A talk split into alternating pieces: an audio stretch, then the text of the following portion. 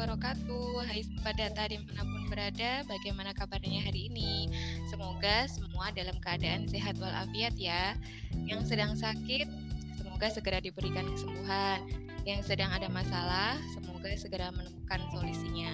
Dan yang sedang beraktivitas Semoga semua diberikan kelancaran. Penting Sobat Data Jadikan setiap aktivitas kita bernilai ibadah di sisinya. Insya Allah Kembali hadir kita di podcast Kicau Kenari BPS Kota Blitar, kisah cerita unik, kekinian, dan penuh arti. Podcast kita kali ini akan membahas mengenai PODES alias potensi desa. Berbicara mengenai potensi desa, sangat erat kaitannya dengan pembangunan, sesuai dengan nawacita ketiga, yaitu membangun Indonesia dari pinggiran dengan memperkuat daerah-daerah dan desa, maka pembangunan desa harus menjadi prioritas dalam pembangunan nasional. Hadir bersama saya dalam podcast Kicau Kenari pagi ini adalah Bapak Pamuji selaku Koordinator Fungsi Statistik Sosial di BPS Kota Blitar. Beliau adalah jawab kegiatan PODES. Beliau yang nanti akan menjelaskan kepada kita semua mengenai pentingnya data PODES untuk pembangunan wilayah. Ya, langsung saja kita sambut. Selamat datang Pak Pamuji di podcast Kicau Kenari. Terima kasih Mbak Tania. Ya, ini kali pertama kita berdua berpodcast ya Pak. Iya kali. Kali ini kita akan Pak tentang pendataan yang saat ini sedang dilaksanakan oleh Statistik Sosial. Selain pendataan Podes ya Pak ya di fungsi statistik sosial ini kan ada pendataan seperti Supenas, Sakernas dan nanti pada bulan Agustus sampai September 2021 kita juga akan melaksanakan sensus penduduk ya Longpong.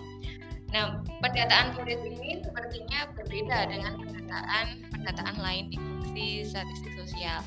Nah, bisa diceritakan nih Pak bedanya pendataan Podes dengan pendataan-pendataan lain di fungsi statistik sosial. Ya memang betul Mbak Tania di bulan Juni ini BPS itu sedang melaksanakan pendataan potensi desa atau biasa disebut dengan PODES. Data yang dihasilkan nantinya itu merupakan data kewilayahan atau spasial yang satu-satunya yang dimiliki oleh BPS di tingkat desa atau kelurahan itu dengan narasumber itu berasal dari aparat desa atau kelurahan para kecamatan, puskesmas, dan dari beberapa OPD terkait seperti Dinas Perindustrian, Perhubungan, Dinas Tenaga Kerja, dan lain-lain. Kalau survei lain seperti Susnas dan Sakernas itu merupakan pendataan yang berbasis rumah tangga. Data yang dihasilkan itu bersifat makro, yang artinya itu data yang dihasilkan hanya sampai level kabupaten kota saja, tidak bisa disajikan sampai level kelurahan. Ya, walaupun berbeda outputnya, namun kepentingannya sama ya Sobat Data, sama-sama penting untuk pembangunan negara kita. Seberapa penting sih data yang dihasilkan dari pendataan Modes, Pak? Dan bagaimana data tersebut bisa bermanfaat oleh uh, pemerintah daerah? Seperti yang tadi sudah Mbak Tania sampaikan di awal, bahwa pembangunan desa itu harus menjadi prioritas dalam pembangunan nasional maka penting adanya ketersediaan data dan informasi statistik pada tingkat pemerintahan terkecil yaitu tingkat desa atau kelurahan.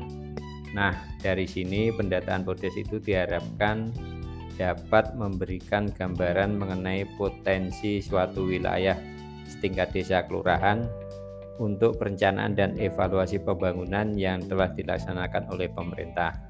Dari data PODES, kita bisa mengetahui potensi-potensi yang dimiliki desa atau kelurahan di antaranya itu potensi pendidikan itu berapa banyak sekolah yang ada mulai dari tingkat dasar sampai perguruan tinggi terus berapa banyak sarana prasarana pendukungnya seperti kegiatan pendidikan kejar paket, pendidikan keasaraan, taman bacaan masyarakat dan sarana pendukung lainnya.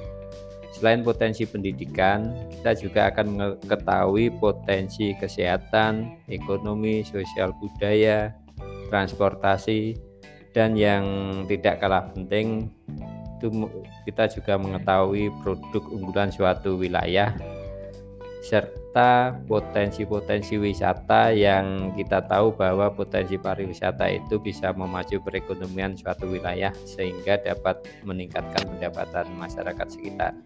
Wah, lengkap berarti ya, Pak. Dan sangat bermanfaat tentunya untuk pembangunan suatu wilayah. Kira-kira bagaimana dan kapan nih Pak pemerintah Kota Blitar bisa memanfaatkan data hasil PODES 2021 ini? Tentu saja dengan untuk menerapkan prinsip satu data Indonesia. Ya karena sayang sekali kan jika data PODES yang sudah tersedia ini tidak dimanfaatkan oleh pemerintah setempat. Betul sekali Mbak Tania. Data yang dihasilkan dari Podes 2021 nantinya juga mendukung penerapan Perpres nomor 39 tentang Satu Data Indonesia serta wujud nyata dari slogan Satu Data dari Desa untuk Indonesia. Oleh karena itu, data Podes yang berkualitas dan dapat dimanfaatkan oleh pemerintah menjadi satu hal yang utama yang harus diwujudkan.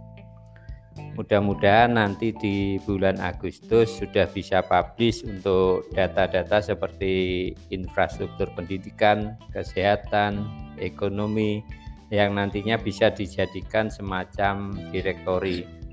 Dan nanti kami juga akan berkomunikasi dengan Diskominfotik terkait publish datanya dalam bentuk hard copy yang bisa juga dimiliki oleh kelurahan.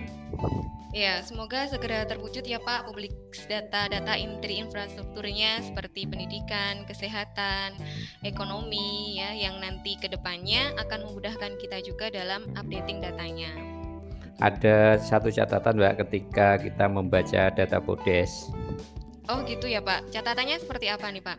Bahwa data Podes ini tidak ditujukan untuk menghitung besaran ya, jadi pola seperti data-data makro yang kita kumpulkan dari survei atau sensus melainkan lebih kepada fakta keberadaan dari setiap unit di desa atau kelurahan.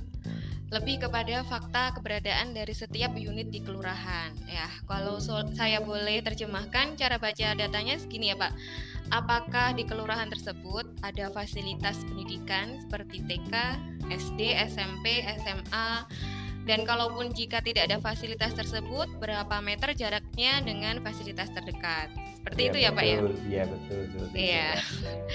Oke, sebagai closing statement mungkin ada pesan-pesan kepada para petugas pengumpul data kepada mereka sebagai narasumber Pak.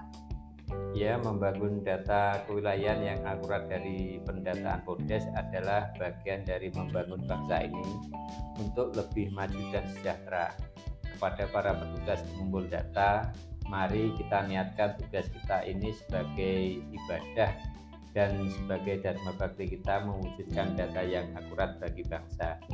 Dan kepada narasumber disampaikan terima kasih atas kerjasamanya.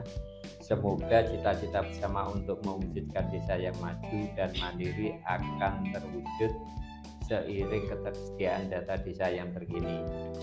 Oke, Sobat Data, sekarang kita sudah paham kan pentingnya data PODES dan ternyata data PODES itu merupakan sebuah mutiara yang berisi informasi statistik wilayahan yang luar biasa. Kenapa saya sebut sebagai mutiara? Karena data PODES ini merupakan satu-satunya data spasial yang cukup komprehensif untuk kita jadikan pegangan dan rujukan mewujudkan desa maju dan mandiri.